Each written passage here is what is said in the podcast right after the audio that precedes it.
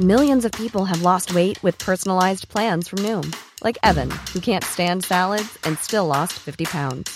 Salads, generally, for most people, are the easy button, right? For me, that wasn't an option. I never really was a salad guy. That's just not who I am. But Noom worked for me. Get your personalized plan today at Noom.com. Real Noom user compensated to provide their story. In four weeks, the typical Noom user can expect to lose one to two pounds per week. Individual results may vary. Quality sleep is essential. That's why the Sleep Number Smart Bed is designed for your ever evolving sleep needs. Need a bed that's firmer or softer on either side? Helps you sleep at a comfortable temperature? Sleep Number Smart Beds let you individualize your comfort so you sleep better together. JD Power ranks Sleep Number number 1 in customer satisfaction with mattresses purchased in-store. And now, save 50% on the Sleep Number limited edition Smart Bed for a limited time. For JD Power 2023 award information, visit jdpower.com/awards. Only at a Sleep Number store or sleepnumber.com. Hej och välkommen till I väntan på katastrofen. Eh, Jag heter Kalle och med mig har jag Patrik. Hej Patrik! Tjenare Kalle! Hur är läget med dig? Ja det är jättebra är det. Det går har gått i ett har det gjort men eh, det är så eh, mycket roliga grejer som eh, händer. Vad gör du? Ja, i eh, lördags här nu så körde vi sista dagen med småbrukarkursen då och det var, alltså du vet det blev en sån där eh, superdag med sommarvärme i princip. Va? Mhm, Full härligt. sol. Och vi hade 11 deltagare här då som fick lära sig att musta äpplen.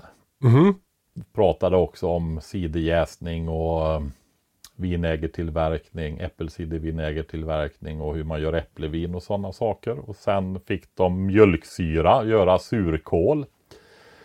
Utan tillsatt vätska, alltså där man låter vitkålen vätska sig själv då. Och sen även en kimchi på kålrot fick de göra också.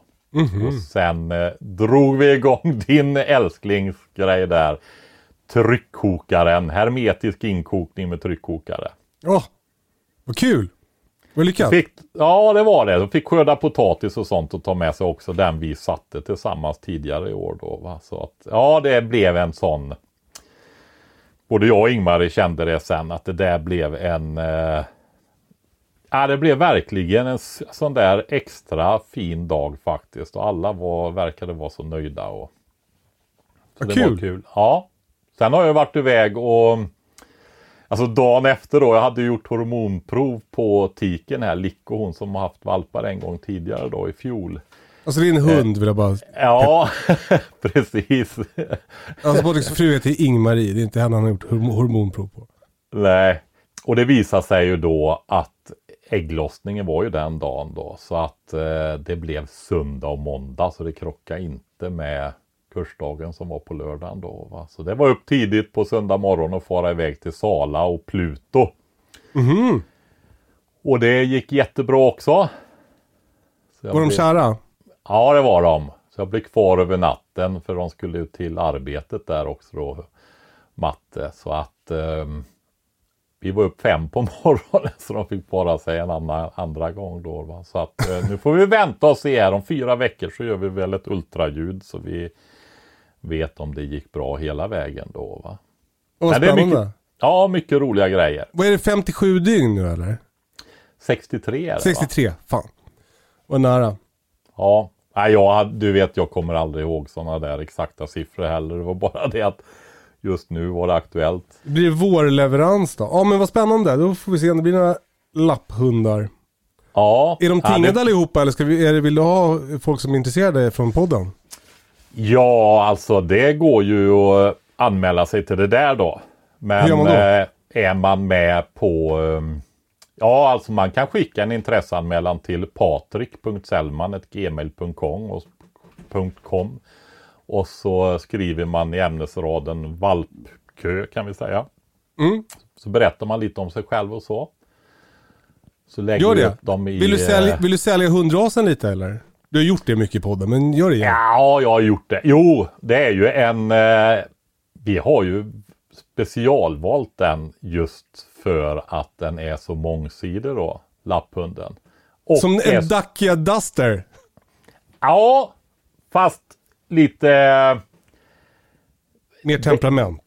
Nej, Nej. mer eh, lite lyxigare än Dacia Duster är det. Mm. Men den Alltså är, en premiumhund. Ja, precis. Jag skulle nog säga det faktiskt. Ja, kul. Dacia Duster är ju mer vald för att den är, är eh, väldigt mycket för pengarna. Oerhört prisvärd. Ja. Eh, bruks, eh, men hunden är ju på sätt och vis det också kan man väl säga. Det är ju inte de dyraste hundraserna heller. De är ju vansinnigt, alltså 30-40 tusen en del nu. Va? ja. Den här ligger ju fortfarande på 20 000 då. Och Det är eh, ändå 20 000 för hundvalp. Det är helt sjukt. Jag tog sju för mina. Hur länge sedan var det? Ja, det var i våras, men det är korsningar. Ja, jo, då är det blandras ja och Ja. inte några populära blandras, speciellt populära blandras. Nej, men så är det. Men du, jag just om du säger det så eh, vi gjorde ju en kalkyl bara på kostnaderna runt förra kullen. Och då periodiserade vi ändå kostnader för höftledsröntgen och sådana där grejer på tre kullar. Man får bara ta tre kullar på de här raserna då. Eh, 23 000 i utgifter. Jaha. Ja, så att eh, det, det Plus allt jobb som är att ha en valpkull. Ja visst vet du och sen eh, är inga kostnader att ha hundarna och det där heller inräknade i detta. Va? Så eh, nej, det, det var bara runt själva kullen då.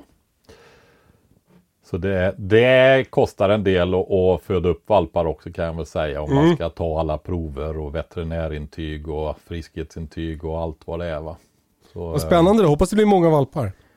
Ja, vi fick tre förra gången. Så att vi hoppas det blir lite fler den här gången då. Men själva hundrasen då, om man går tillbaka till det så är det ju en av de riktigt allsidiga hundraserna. Va? Och eh, oerhört smarta alltså.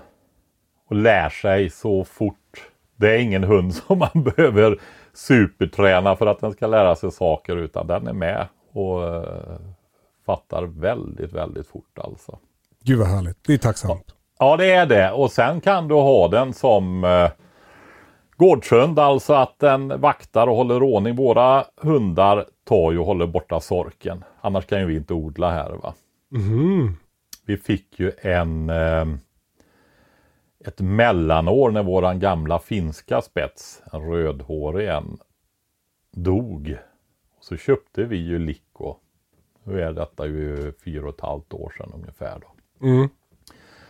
Så hon var ju valp. Och det året alltså, du vet. Var det någon potatis i potatislandet så såg de i princip ut som en äppelskrutt. Va? Jaha. kunde vara liksom en liten överdel med lite skaldelar kvar och sånt. Ja, det var träd, ett stort gammalt fint plommonträd. Eh, blåste omkull och jag misstänker att det är sorkarna som hade tagit rötter och sådana där grejer. Va? Så att eh, de eh, gör väl skäl för maten. Jag tänker att det annars är katter som tar sork. Men, men hos er är det hund. Ja, men om du skulle ha dina hundar gående, skulle, skulle, spetshundar, så skulle de också, det är ju deras naturliga Ja, självklart. livs, livsmat.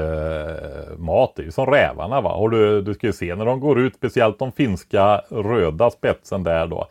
När den går ut på en äng så står ju den och hoppar. Det ser ut som en räv som hoppar Ja. sådär eh, jämfota och landar. Va? Vad kul. De hör ju dem eh, och även möss och sånt under snön och så också och tar dem i djupsnön där. Mm. Men eh, sen skator och sånt som kan gå på kycklingar och så håller de på avstånd och här håller de ju också räven på avstånd. Räven här kommer när vi måste åka iväg båda två och tar in hundarna och de är inomhus. Ja. Då vet räven det. Nu är de där rackarna inne, nu passar Ja. jag på. Va? Ja. Men annars så eh, är de ute på dagarna, då kommer det inga rävar såklart. Va? Och eh, sen talar de om när någon kommer och sånt. Men det är ju så kallade snälla vakthundar detta. Ringklockor. Just det. Ja, de ser ju inte alltid så snälla ut. Men när man väl går fram till dem så blir de liksom... Ja men de ser Labra- ganska snälla ut tycker jag, dina hundar. Ja, inte om du går utanför stängslet här och Nej. kommer till exempel. Va? För då ligger de på rätt hårt alltså. Men eh, om eh, de kommer in genom grinden. Då blir de nästan larvigare än en labrador alltså. Och det där, det är ju sånt där man ska fundera över på om man vill ha en hund. Om vi pratar beredskap, säkerhet och sådana där grejer också. Så och ha en hund som säger till va. Mm. För det är ju, då har du ju liksom ja, supersinnen på din sida där. Eh, så får du fundera på vem är du då som husse eller matte? Många skaffar ju bitande hundar va. Men det är ju ett enormt ansvar. Mm. Är du eh, mogen för det? Har du kunskap och träningsförmåga och så vidare för att ha en sån hund? Mm. Du är ansvarig för vad hunden gör. Så ehm, mm, jag ska inte ha en bitande vakthund. Är Ja, du, som får... du är för splittrad liksom, du har för många andra grejer på gång. Ja, jag har liksom och jag har inte rätta intresset för det och egentligen inte den, vad ska vi säga, kontinuitetssjälvdisciplinen. För där pratar vi ju en mycket hårdare träning där det liksom inte får vara tvekan om att hunden lyder. Va? Nej, nej, För då kan du inte ha en sån hund. Va? nej. Ehm, nej, jag brukar säga det att är det nå- ska det, behöver det bitas här så får jag stå för det. Ja, det är samma här.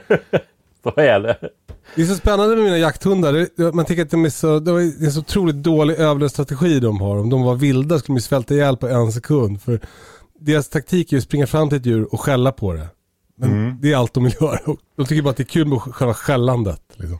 Ja, men det där som dina hundar skäller på, Mm. det är ju inte den naturliga födan för dem. Nej.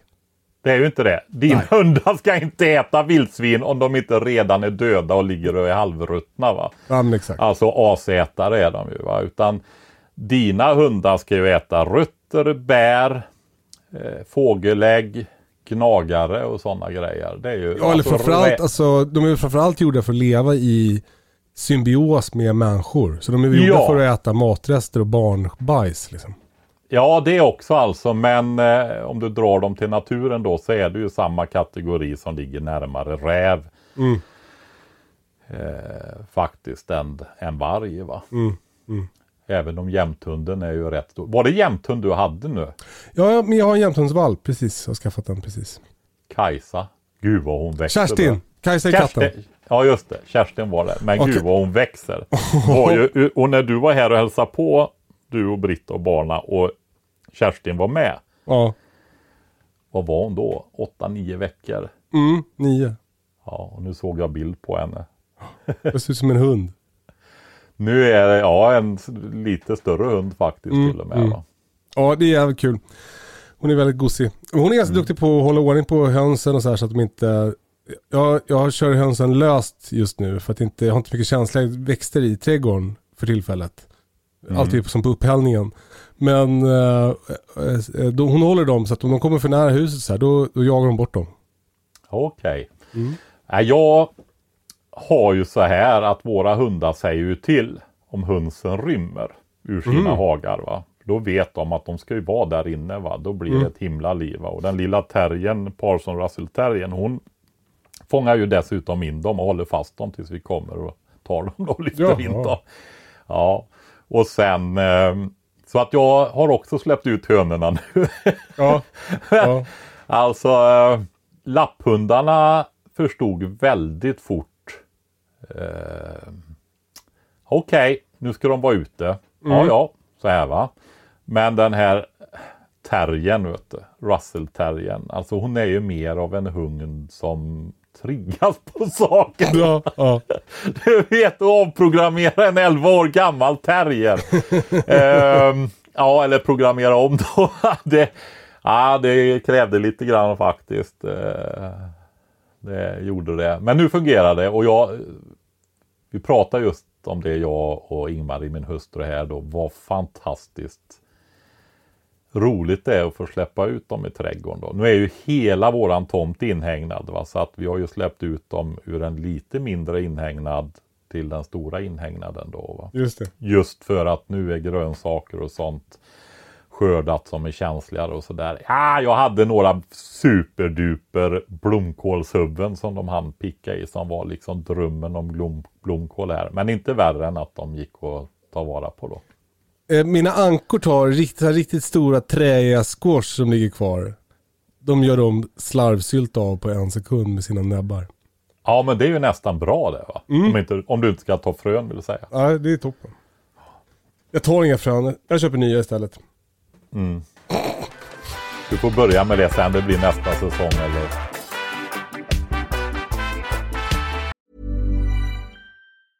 When you're ready to pop the question, the last thing you want to do is second guess the ring. At Bluenile.com, you can design a one of a kind ring with the ease and convenience of shopping online. Choose your diamond and setting. When you find the one, you'll get it delivered right to your door. Go to Bluenile.com and use promo code LISTEN to get $50 off your purchase of $500 or more. That's code LISTEN at Bluenile.com for $50 off your purchase.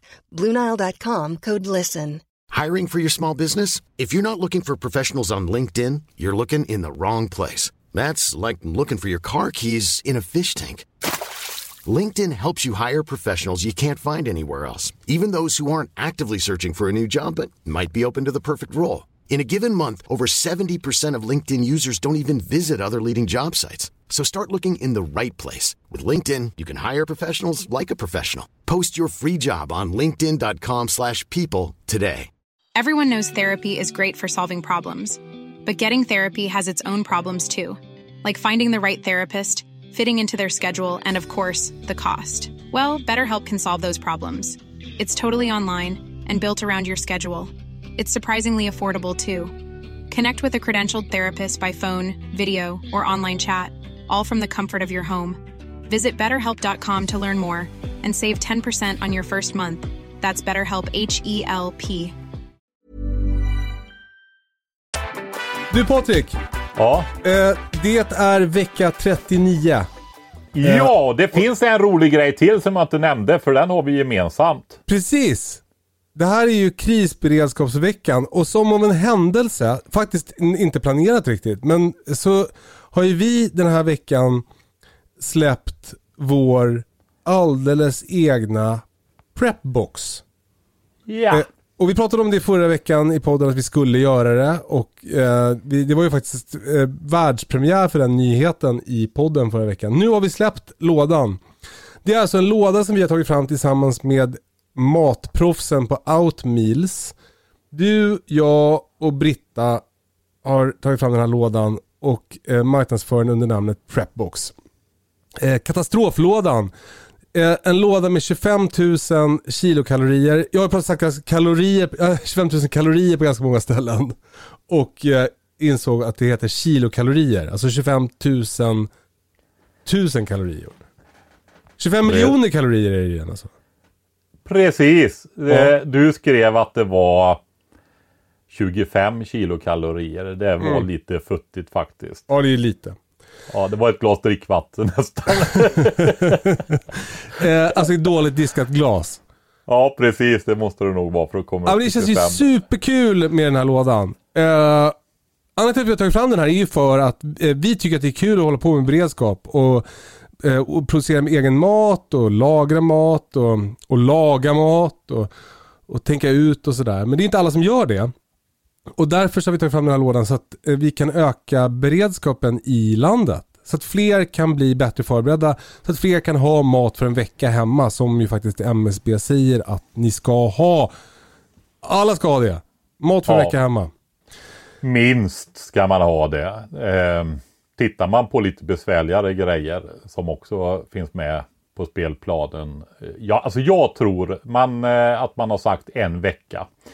Och eh, jag skickar ju lite statistik och så till dig. Det har ett par, tre år på nacken statistiken. Eller ja, det är ju efter, med, det är ett par år har den. Eh, det är ju alltså under var femte hushåll då som har eh, vidtagit de här åtgärderna. Va? Och Det är egentligen riktigt allvarligt faktiskt. Berätta. Jo, det har ju alltså med hela landets förmåga till att motstå eh, kriser och även krig. Alltså det här hushållens beredskap, det är själva grunden för totalförsvaret. Men jag tycker att försvaret är någonting som försvaret håller på med. Ja, men alltså det militära försvaret är ju bara inom situationstecken då det militära försvaret. Ja. De har inga resurser att, att fixa speciellt mycket och speciellt nu när vi fortfarande har ett rejält eftersatt och nedbantat försvar eh, som har fört en väldigt tynande tillvaro under flera decennier. Va? Nu satsar man ju enorma summor ur ett historiskt perspektiv på försvaret, det militära och bygga upp det igen. Mm. Eh, alltså jag hör ju lite sådär att de får så mycket pengar nu så att med den lilla organisationen så kan de inte Alltså det krävs ju erfarna instruktörer, övningsplatser, regementen. Man startar ju upp flera utav de här regementena som man la ner för några år sedan. Va? I5 i Östersund, I21 i Sollefteå, I13 i Falun. Eh, K4 Arvidsjaur blir ett eget regemente igen. De har ju aldrig varit helt nedlagda men liksom varit en vinteravdelning på I19 ungefär. va. Men nu är det ett eget regemente igen och sådär som man försöker. Men du måste ju också få folk med åratal av erfarenhet som ska utbilda värnpliktiga och så vidare. Vara yrkessoldater och sånt där. Så eh, det kommer att ta tid. Men det där är ju bara en del av försvaret. Det är därför man kallar det totalförsvaret. Eh, om vi tar just det här eftersom vi är inne på försvaret och man oftast tänker på krig då. Mm. Eh, så är det ju så här att eh, som det ser ut att utvecklas och det sättet som det ser ut som vi skulle kunna hamna i den situationen då. Alltså i ett är-.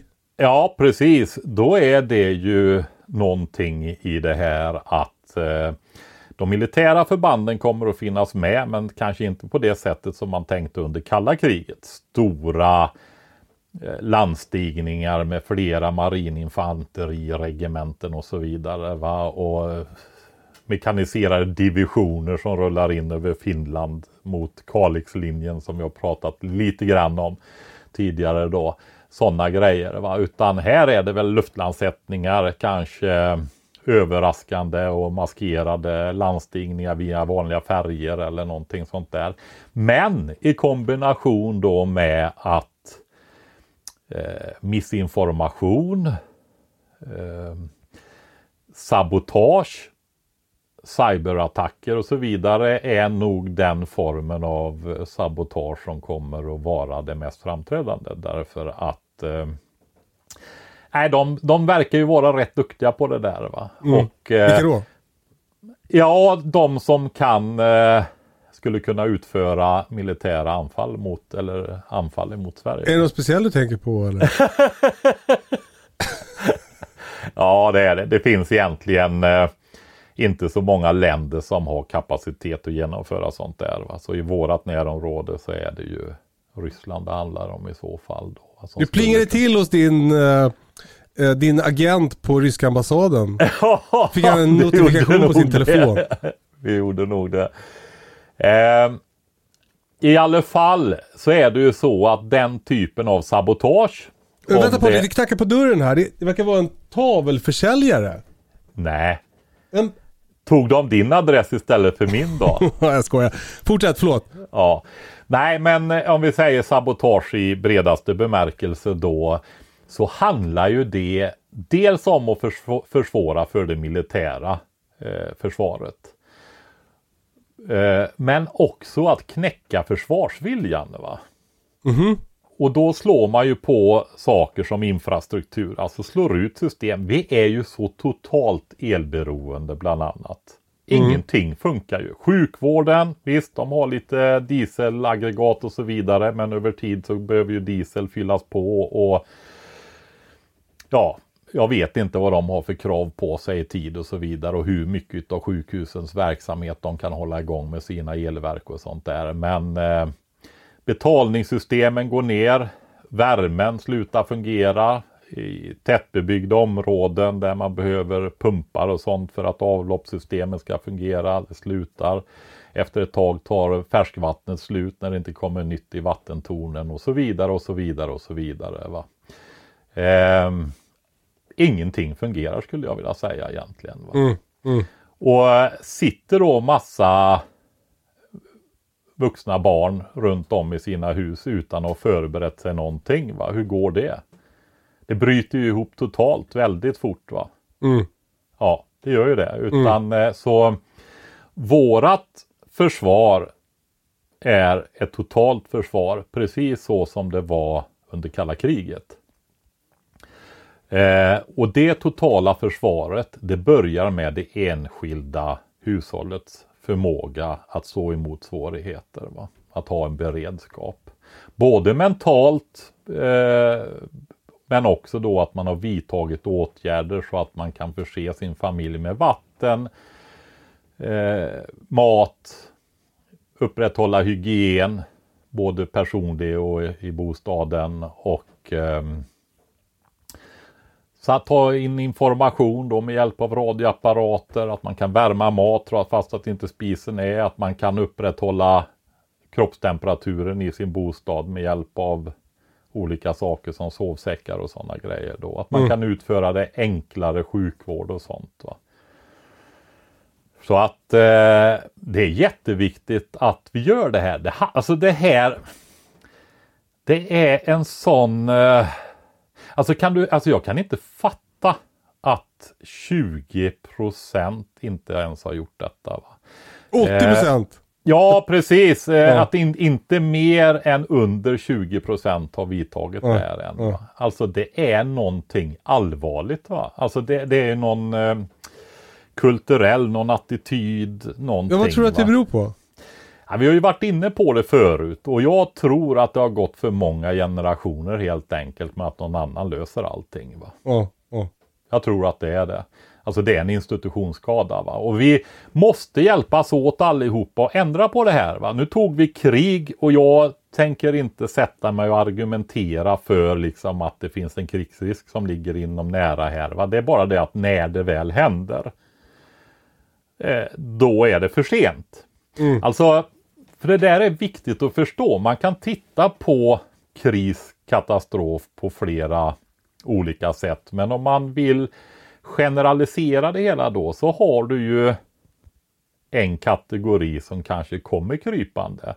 Men jag vill nog påstå att väldigt stor andel ser inte de krypande heller. Kanske just för att de är krypande. Ta det här med ekonomin till exempel. Va? När jag var och para hunden här nu i Sala så jobbar de på byggsidan. Alltså det är sån boom på byggsidan i eh, Uppsala handlade det om det här då. Va? Du vet de eh, byggnadsarbetarna och de där, de ligger på 50 000 plus i månadslön nu med ackord och Oj. allting räknat. Va? VD-löner. Alltså vanliga VD-löner, inte för storföretag och sånt där. Då, va? Men eh, vad är det där för någonting då? Jag vet inte vad de gör för att bygga och vem de förväntar sig ska bo i de här lägenheterna med Ja, bara hyrorna i bostadsrättsföreningen är väl uppåt 15 000 runt omkring där. Va? Mm. Men å andra sidan byggnadsarbetarna kan ju bo där. Exakt. De har råd. ja, ja, precis. Nej, men eh, eh, när man hör de där grejerna då, då kan det ju vara lätt att tro liksom att det är superekonomi. Va? Fast det är ju inte det. Men eh, nu tillbaka till det här, dela upp dem då, de krypande. De andra är ju de som kommer överraskande. Va? Mm. Är man lite vaken, ja visst, då kan man väl eh, avvakta på de krypande. Men de som inte är krypande då? De som bara smackar till? Alltså regn typ. Ja, den typen då. Eller det kan ju bli allvarligare också. Va? Vi står ju här nu och hade enorma elpriser. Vi var ju inne på det förra vintern där med brownout. Alltså, att, eh, elbrist var det. Ja, brownout är ju att det kollapsar. va? Att det här att det inte går upp här att hålla frekvensen. Men eh, alternativet till det, det är ju att man inte kan upprätthålla hela elkraftsystemet utan att det släcks ner bitvis då. Va? Vi har ju 10% vindkraft nu och ännu fler nedlagda kärnkraftverk och sånt där och inte fått till elöverföringar och sånt så att det räcker till helt om det blir riktigt kall vinter till exempel. Det är bara att kolla ut genom fönstret så ser man hur det skriker här ute. Alla rönnbärsträden är helt fullknökade med rönnbär va. Mm. Ja, det Alltså, vet det väl alla mycket vad snö. det Ja, mycket snö. Det blir en kall vinter. Eh, men det stämmer inte så mycket. Eh, gör det inte. Men det finns andra grejer de varnar för att det kan bli en riktigt kall vinter. För du har ju olika cykler och sånt som styr eh, kallare och mildare väder och så vidare. Och eh, det ser ut som de cyklerna säger att det kan bli en riktigt kall vinter då. Men, men du och vi menar att... hade alltså 3 kronor kilowattimmen i varma september. Va? Just det, kommer bli väldigt dyrt med el. Ja, alltså ja, det, så kan man väl tänka också. Men det är ju ett tecken på att det blir brist på el. va. Mm. vet, utbud och efterfrågan gäller på el också. Va? Och där drar det ju iväg. Och det här var den rörliga delen då. Va? Eh, som var uppe i 3 kronor. Eh, Jag läste någonting, det här, jag har liksom en noll källa, jag tror kanske att det var någon som, en tjomme som skrev på internet. Men att det var, eh, att det, det säljs väldigt mycket el till kontinenten för att det är så höga elpriser. Stämmer det? Ja, det gör det. Tittar du på årsproduktionen eh, av el i Sverige så har vi ju ett överskott. Mm. Så är det. Och framförallt då, men vi har ju mycket med all vattenkraften, den stora vattenkraften i övre Norrland. Och den har vi ju problem att föra ner. Man har inte fått ordning på den överföringen. Va? Så att när vi betalar 3 kronor här nere så kanske de betalar 50 öre i Norrland. Va? Så är Det är väl rimligt ändå? Ja, men det är ju ett dysfunktionellt system om man tittar på ett enskilt land. Va? Så är det ju. Det andra är ju det här att eh, vi har vindkraft. Då blir det riktigt kallt. Hur mycket inte. brukar det blåsa då? Inte så mycket. Nej, det gör inte det. va. Så att eh, då hjälper inte den till någonting. Men nu har vi skrämt upp oss Patrik och, och Mm. det du menar är att när något av de här eventuella scenarierna eller solstormen eller vad det nu är inträffar, då är det för sent. Precis som det är för sent att ringa ett försäkringsbolag när man har krockat med bilen. Det måste man ha gjort innan. Ja, det är ju så. Och det här är någonting som är ett gemensamt ansvar. Och alltså på, ner på individnivå. Men det har med att vårat land, våra nations beredskap börjar med du som lyssnar nu, ditt eget hushåll. Att det ska fungera, att ni inte råkar illa ut. Är det så? Jag, jag tror ju att utav de här 80 procenten som säger att de inte har gjort någonting så har ju de en viss beredskap ändå. Alltså de har väl, många av dem kanske har lite mat för några dygn och så vidare. Va? Vatten det tror jag är en väldigt eh, okunskap kring att man måste lagra vatten. Va? Mm. Så att en, en väldigt låg eh, nivå kan man nog räkna med att, att de, en hyfsad del av de där 80 procenten har. Men behöver lyfta den. Men våran tanke då, förutom att vi har den här missionen som vi har sagt förut då, dels höja beredskapen på en till två eh, veckor. Den allmänna breda som är viktig för hela landet. Både totalförsvar och allmänna förmåga att stå emot allvarligare händelser och sånt där. Va? Eh, men också den andra att uppmuntra till det här småbrukandet då, som vi kallar det. Alltså att det finns riktigt hyfsad mängd människor som har den här livsstilen runt om och bevarar och utvecklar de här basala kunskaperna om att ta tillvara, producera mat på en basal nivå utan eh, tonvis med diesel, konstgödsel, sånt som flygs in med båtar och flygplan och eller körs in med båtar och flygplan eh, för att upprätthålla den här industriella produktionen. Va? Båda de bitarna. Men våran tanke med prepboxen här då, det är ju det att vi måste göra det enkelt för de här heltidsarbetande människorna som jag tror. Ja, men, alltså, jag tror så här, utav de 80 procenten där så är det ändå, då måste det ju vara några tiondel eller alltså tiotals procent som tänker, men vad ska jag göra? Och det blir liksom inte av och så vidare. Va? Alltså, det här är ju vi, för det är ju inte bara det att vi har tagit fram en låda med mat nu då. Det här är ju början. Vi måste ju börja någonstans och få snurr på det här. Mm. Eh, vi kommer ju också skicka ut eh, lektioner. För de som kommer den här vägen då och skaffar lådan. De kommer ju att få e-post hem. Där vi mm. går igenom bit för bit så att de lär sig att göra det lätt och tillgängligt för dem att, att eh, lyfta sitt hushållsberedskap då. Och sen är ambitionen också att vi ska ju komma med fler lådor där man bygger på med andra bitar i hemskt vis. Eh, för att få en mer fullständig beredskap då. Maten är ju bara en del. Va? Nu kan vi väl säga mat och vatten fast vi skickar inte med eh, fem liter vatten per per eh, dygn och person i en vecka va, eller två. Utan eh, vi skickar med en 10 liters vattendunk som är tom. Med upplysningen om att det ska fyllas vatten i. Mm. Och dessutom så kommer det med en påminnelse när den ska bytas via e-post. Då. Ja, och sen är det väl en uppmaning att man ska ha fler dunkar med mer vatten. Precis, och hur mycket och så vidare såklart. Då, va? För det är ju två väldigt primära grejer, mat och vatten. Va? Men sen kommer det ju till andra saker också då sen. Va? Eh, jag gjorde en liten undersökning, en poll på eh, Event av katastrofens Instagram i samband med den här lanseringen. För att jag var lite nyfiken på om det faktiskt var så att, att de här siffrorna, att det var en femtedel som, som har mat för en vecka hemma. Och jag misstänkte väl att det inte skulle stämma bland våra lyssnare. För om man lyssnar på den här podden så är man väl förhoppningsvis vid det här laget åtminstone mer intresserad av de här frågorna och kanske har tagit tag i sin beredskap. Och mycket riktigt, 88% av er som lyssnar har mat för en vecka hemma enligt min högt, högst vetenskapliga eh, undersökning på Instagram stories.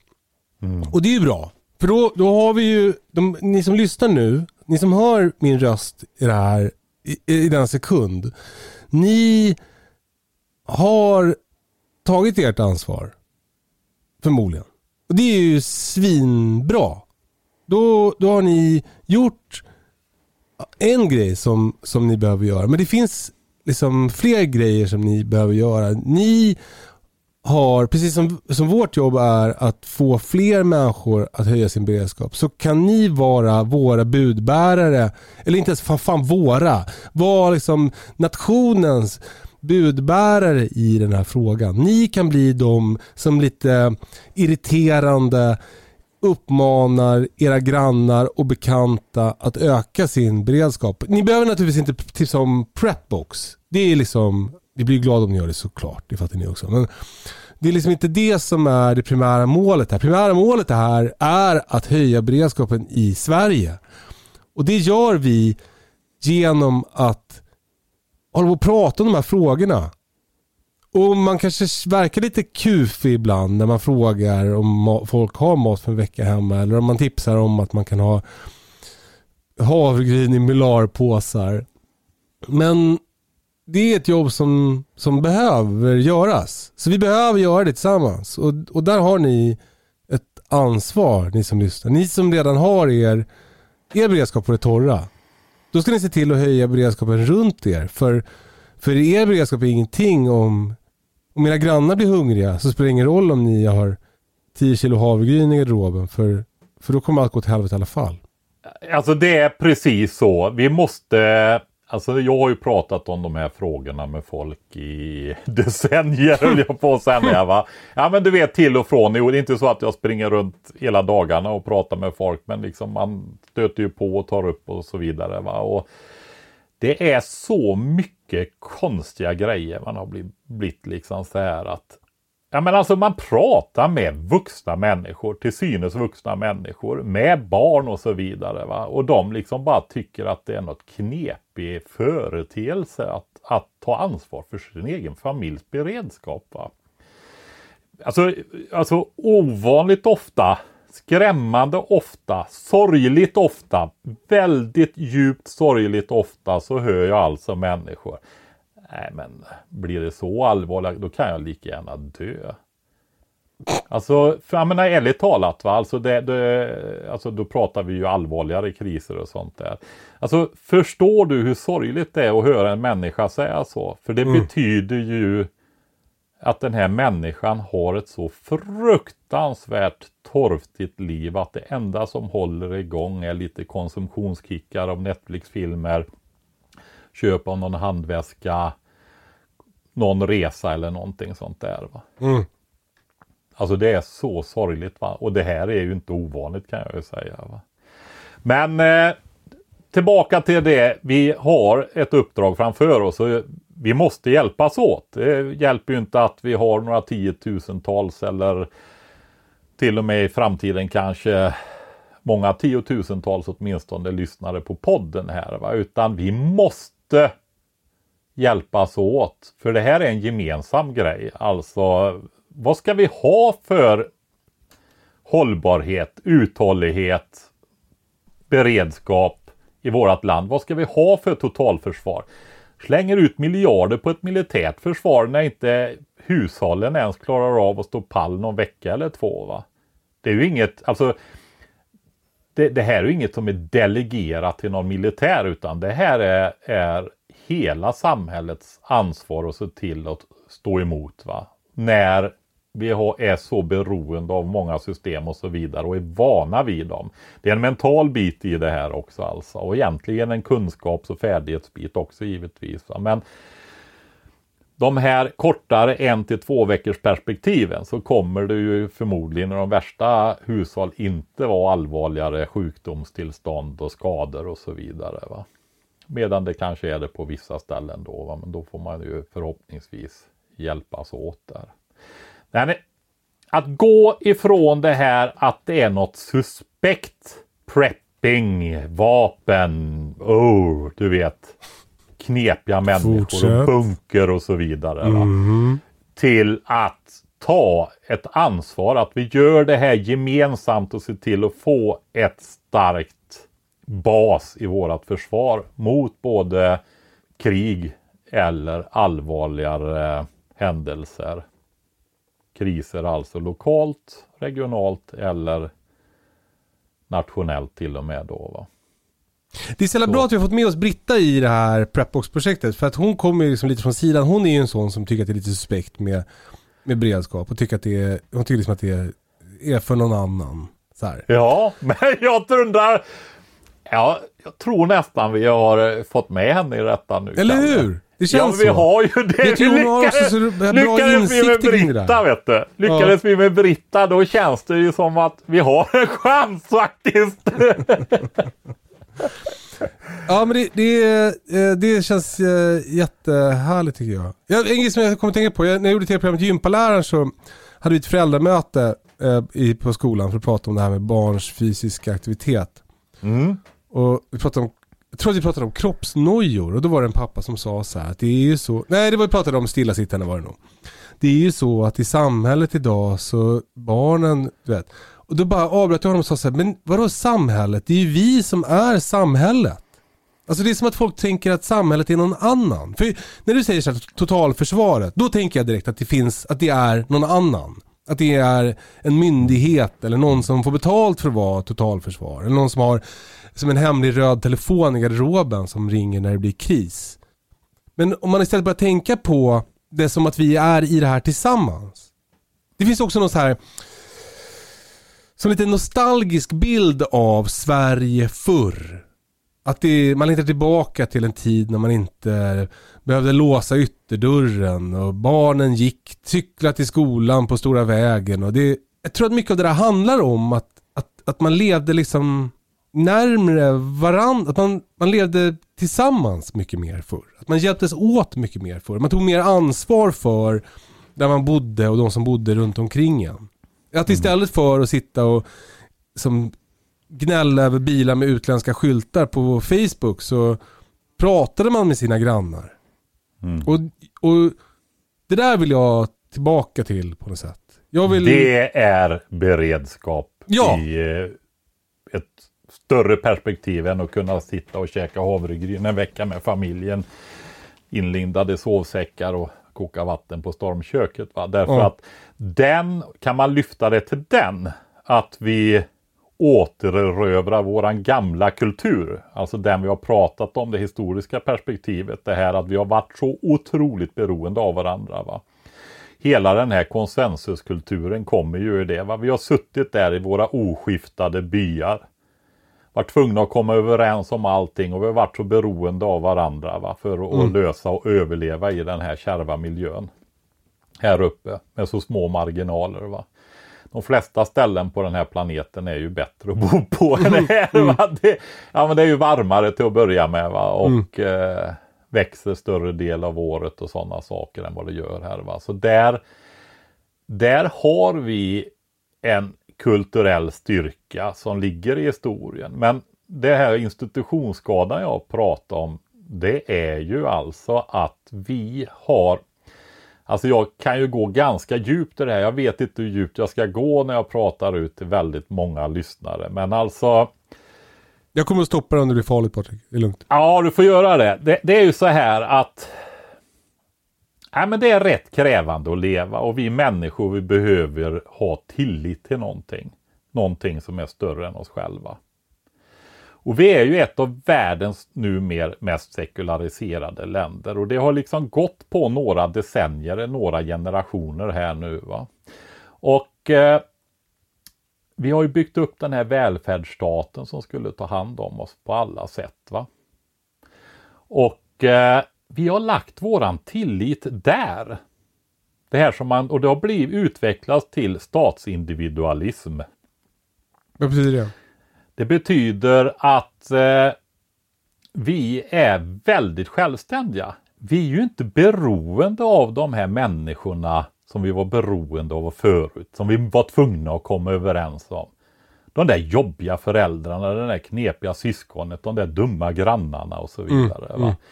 Alltså nära relationer är ju krävande. Det kräver ju att man investerar mycket. Det kan vara smärtfullt och, och ja, konflikter. Människor, det är ju liksom synonymt med konflikter. Har du mer än en, men ja, man hamnar ju i konflikt med sig själv till och med ibland. Va? Nej men förstår du vad jag menar? All mänsklighet har behövt olika metoder för konflikthantering, så är det. va. Och eh, ja, men det är krävande och det har ju utvecklats på det viset att vi håller inte ihop familjer. Vi håller inte ihop i grannar och dessutom så rör vi på oss mycket så vi bor bra bit ifrån våra familjer. Och hur mycket ska man investera i grannarna mer än att man äter lite middag och kanske tar en golfrunda och så vidare när man kanske, ja, de flyttar eller vi flyttar och ja, du vet så här va. Eh, och det där skapar ju en enorm svaghet i samhället. Mm. Det gör det va. Och jag missade en grej förut för jag skulle säga en sak. Vi har ju kört, den här småbrukarkursen vi har kört i år. Vi gjorde ju en kortis, en pilotkurs och hade det var två som inte kunde komma nu sista gången på grund av jobbrelaterade grejer. Så vi var ju 13 då, men vi var 11 nu sista gången. Och det här var ju för att vi skulle känna på för att kunna göra kanske en större småbrukarkurs då. Och en av de grejer vi har lärt oss här, och jag, det har ju liksom varit en stor del av totalupplevelsen som har varit här. När vi jobbar med sådana här jordnära grejer som att ta upp potatis eller skörda äpplen eller ta vara på det, plantera och så och allt det här. Va? Att vi jobbar ju i grupper. Vi jobbar tillsammans. Och du vet, det är så man ser hur glada alla blir och liksom hur gemenskap och alltihopa det här. Det är ju nästan som att det är sånt där du vet. Liksom ett okänt. Hallelujah moment. Ja! Alltså det är det och vi har ju själva blivit paffa över det här. Alltså det är, ja, alltså man har ju en känsla av det. Jag tycker själv, vi har ju pratat om det tidigare både jag och du, att det är ett väldigt trevligt sätt att umgås är att arbeta ihop. Mm, mm. Men just när du jobbar med sådana här konkretare grejer. Eh, mänsklig gemenskap, vi är sociala, vi behöver varandra, vi kompletterar varandra. Va? Eh, är bra på olika saker, både utifrån våran personlighet, våran konstitution och våra intressen och olika kunskaper och så vidare. Men det är ju tillsammans vi blir starka. Tycker ni det, det börjar ju låta som en floskel, men det är så. Va? Det är mm. verkligen så. Och eh, en viktig del i det här med beredskapshöjandet, det är faktiskt att vi börjar samarbeta också i de eh, konstellationer som finns. jag ser ju framför mig om vi, om vi lyckas med våran mission med hjälp av er andra som vi försöker åberopa till och från, eller ja, större delen av tiden höll jag på att säga. Eh, så, alltså tänk dig bostadsrättsföreningar. Mm. Som organiserar sig inom ramen för sina, sina årsmöten och Ta med det här med beredskapen. Vad ska vi göra på hushållsnivå för att vi ska fixa i våran bostadsrättsförening? Finns det något vi kan göra gemensamt? Vad har vi för människor i bostadsföreningen som har lite mer kunskaper om olika grejer? Och så vidare och så vidare. Va? Du har samfälligheter. Det var ju Pelle som nämnde det för oss. Han hade ju en samfällighet. Det är ju alltså en typ bostadsrättsförening. Pelle Fast... på Outmeals. Ja, grundaren av de, våran samarbetspartner när det gäller maten här då var han som levererar till NATO och Försvarsmakten. Och Pelle lyssnar också på podden. Hej Pelle! Hej Pelle! Trogen lyssnare! Det var ju faktiskt därför som eh, vi började samarbeta. Det berodde inte på att jag en vecka tidigare hade blivit återförsäljare. För de, den kopplingen fanns inte, den upptäckte ju de senare. Va? Just. Det var ju, så är det. Ja men jag pratar om samfällighet i alla fall. Men ja. ska man säga så här då, om det är någon som lyssnar som, som till exempel sitter i en, en bostadsrättsförenings styrelse eller någonting. Hur, hur gör vi, ni, för att använda det forumet för att öka, om man tänker på beredskap i landet som ett ganska brett begrepp. Liksom hur kan man använda den typen av befintliga strukturer för att åstadkomma det? Om du har några idéer där så hör gärna av dig. Mm. För vi är nyfikna och vi vill gärna prata mer om det i den här podden. För nu jävlar kör vi! Ja, alltså ja, det, grannsamverkansgrupper kan ju vidga sin eh, eh, verksamhet till att vara bredare än eh, att förebygga kriminalitet. Va? Alltså, där kan man ju också börja diskutera vad man har för möjligheter och hur man kan samverka. För det förstår nog de flesta det här att sitta och huka och vara hemlig och ha lite extra grejer i källan och, och, och så vidare. va. Visst. Det är en hobby. Ja, alltså det är ju inte... Det, det, är ju någonting också. Men om du jämför det med att vi tar det här på allvar och att vi gör det tillsammans. Alltså det är ju turbo. Mm. Det är ju enorm boost på beredskapen och eh, styrkan i det här helt enkelt. Va? Vi släpper den där, vad ska vi kalla det? Ska vi kalla det traditionella preppingkulturen och så gör vi det på det gamla svenska sättet istället. Mm, det låter bra tycker jag. Ska, ska vi ge folk en läxa? Jag gjorde ju när jag, när jag berättade om Prepbox på Instagram så sa jag så här, tagga någon som behöver ta tag i sin beredskap. Är, är läxan kanske att ni, ni, som lyssnar på den här podden då, så 88% av er har mat för en vecka hemma. Så, så, och det är bra.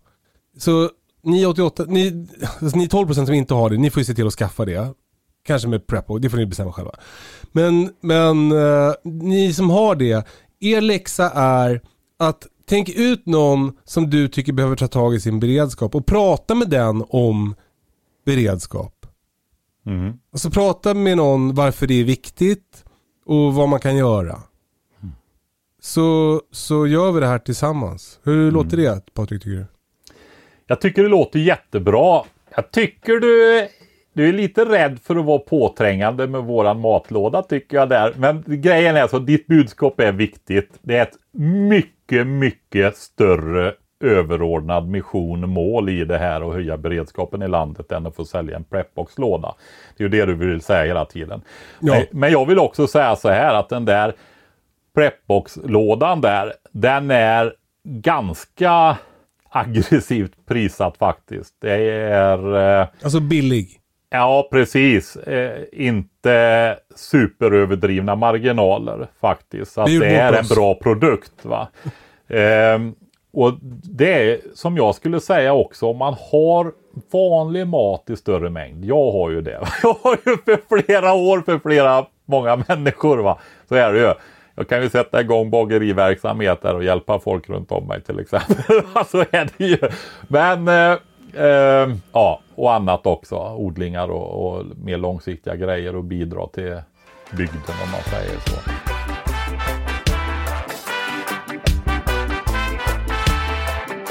Det är ju så här att om man... Eh, dels är den ju eh, väldigt bra även för evakueringsväska. Va?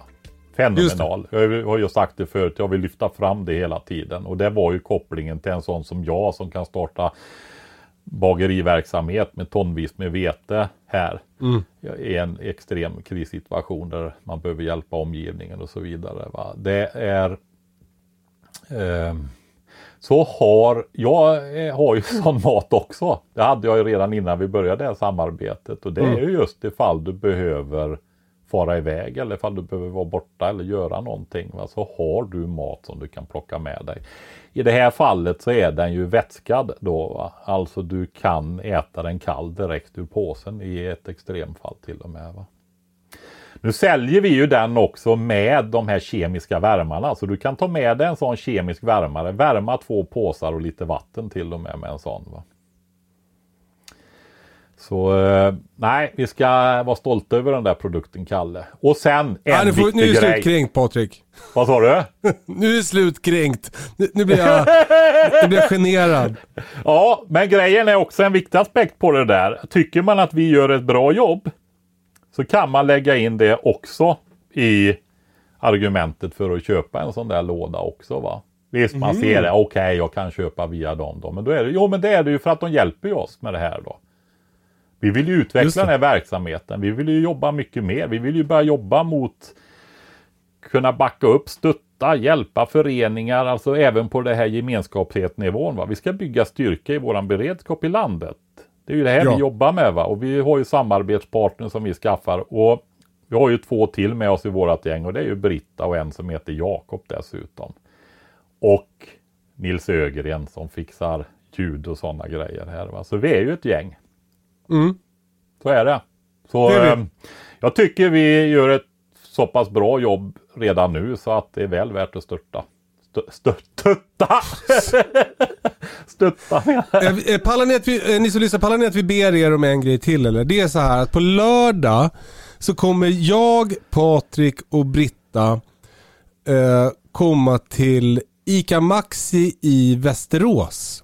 Därför att inom ramen för den här krisberedskapsveckan som MSB ligger bakom så kommer Västerås stad göra ett event. Västerås stad är några som faktiskt har tagit det här med beredskap på ganska stort allvar och gjort investeringar i det. Eh, I, eh, och det är alltså på ICA Maxi i Hälla. Det finns tydligen två ICA Maxi i Västerås. Eh, så vi kommer vara där från, från 12 till 16. Klockan ett är det viktigt. Då måste ni komma dit. Eh, ni som lyssnar på podden. För då blir det livepodd på familjeparkeringen utanför ICA Maxi. Jävligt mäktigt. Så vore det svinkul om ni kom dit och sa hej, eh, eh, kramades. Får man göra nu för tiden va? Ja det får man tror jag. Eh, och eh, eh, vet fan vad ni vill göra. Ta bilder med Patrik och eh, eh, klämma och känna på Patrik och på lådan. eh, och ja, vad det är nu vill. Det vore i alla fall jävligt kul om ni kom dit. Så, eh, Ja, men det är väl så här också att det kommer att finnas lite utrymme för frågor och sånt också, Kalle. ja men självklart. Det, jag tror att jag nämnde och det. sen är väl, är väl fler där än bara jag och du va? Är det inte Västerås kommun och lite sånt här också i samband med beredskapsveckan som är där? Patrik, jag, jag, oss emellan. och jag vet, Västerås kommun lyssnar ju på det här. Jag tror att folk kommer komma dit för att träffa oss, inte för att träffa Västerås kommun. Alltså det är bara en magkänsla jag har, jag vet inte. Jo, men att det finns fler grejer än vi. Ja, självklart. Ja, ja men så är det. För vi måste säga det så här också att kommunerna är ju skyldiga att upprätthålla sin verksamhet också. Eh, som de har ansvar för till vardags. Ja. Det ska de klara av i kris och krig också. Och ja, de ska klara av det betydligt längre tid än det som man ställer på hushållen. Eh, så är det. Och blir det riktigt allvarliga kriser så kan jag väl säga så här också då att ja, en till två veckor. De har väl sagt en vecka för att det inte ska kännas ouppnåeligt för folk. Va? Så är det ju. Men eh, kommunerna har alltså generellt sett inte förberett sig enligt de lagar som de ska följa. Va? De har ingen beredskap. De har inte det. De kan inte ta hand om tant Agda om det blir riktigt allvarliga kriser som ligger ute i skogen där hemtjänsten ska åka ut fem gånger och så vidare. Va? Med mat och allt vad det nu är. Västerås kommun. En av få kommuner som har satt igång med det här arbetet på riktigt. Alltså inte bara haft möten och så vidare utan har börjat lägga upp planer, handla in grejer och så vidare. Va? Det är grymt ju. Ja, det är det. Och det är så skönt att några bryter isen och faktiskt börjar göra det här. Va? Alltså, vi är verkligen illa ute. Så är det. Ja, Och det är inte bara de enskilda hushållen utan det är hela jäkla vägen. va. Nu, det är skärpning nu. Nu hjälps vi åt med det här. verkligen. Det, bör, det börjar med eh, att ni pratar med någon i din omgivning som inte har tagit tag i sin beredskap. Det är det första. Nummer två det är att ni kommer till ICA Maxi i Västerås på lördag mellan 12 och 16 och hänger med oss, äter maten ur Prepbox, lyssnar på livepodden, kramas med Patrik, eh, bryter arm med mig, har en allmänt härlig dag. Eh, ehm, eh, var inte blyga för att inte komma byta? fram. Kan, vi vi, vi bryt, byter Kalle. Jag bryter arm och du kramas. Helvete Patrik, jag tror att det skulle bli jävligt spännande om du och jag bröt arm. Nej! Jag tror att, inom mitt du är ganska bra på armbrytning. Jag har en känsla av det. Ja, jo, jag är, är faktiskt det. Men eh, ja. Det är jag med. ja, men det var länge sedan jag bröt arm och jag, jag missbedömer min... Eh, alltså det har gått ut för. ICA Maxi Hälla, lördag 12-16. Jag och Patrik byter arm. Det blir en Nej! match till döden. Vi ses då. Tack för idag Patrik. Bra avsnitt. Puss och kram. Ja. Hej då! Hej då.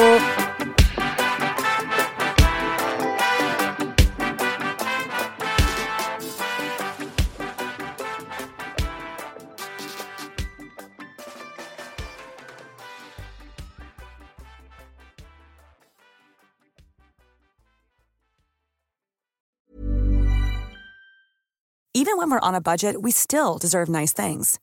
Quince is a place to scoop up stunning high-end goods for 50 to 80% less than similar brands. They have buttery soft cashmere sweaters starting at $50, luxurious Italian leather bags, and so much more. Plus, Quince only works with factories that use safe, ethical, and responsible manufacturing. Get the high-end goods you'll love without the high price tag with Quince. Go to quince.com slash style for free shipping and 365-day returns. Imagine the softest sheets you've ever felt. Now imagine them getting even softer over time. That's what you'll feel with Bowl and Branch's organic cotton sheets. In a recent customer survey, 96% replied that Bowl and Branch sheets get softer with every wash. Start getting your best night's sleep in these sheets that get softer and softer for years to come. Try their sheets with a 30-night guarantee. Plus, get 15% off your first order at bowlandbranch.com. Code BUTTERY. Exclusions apply. See site for details.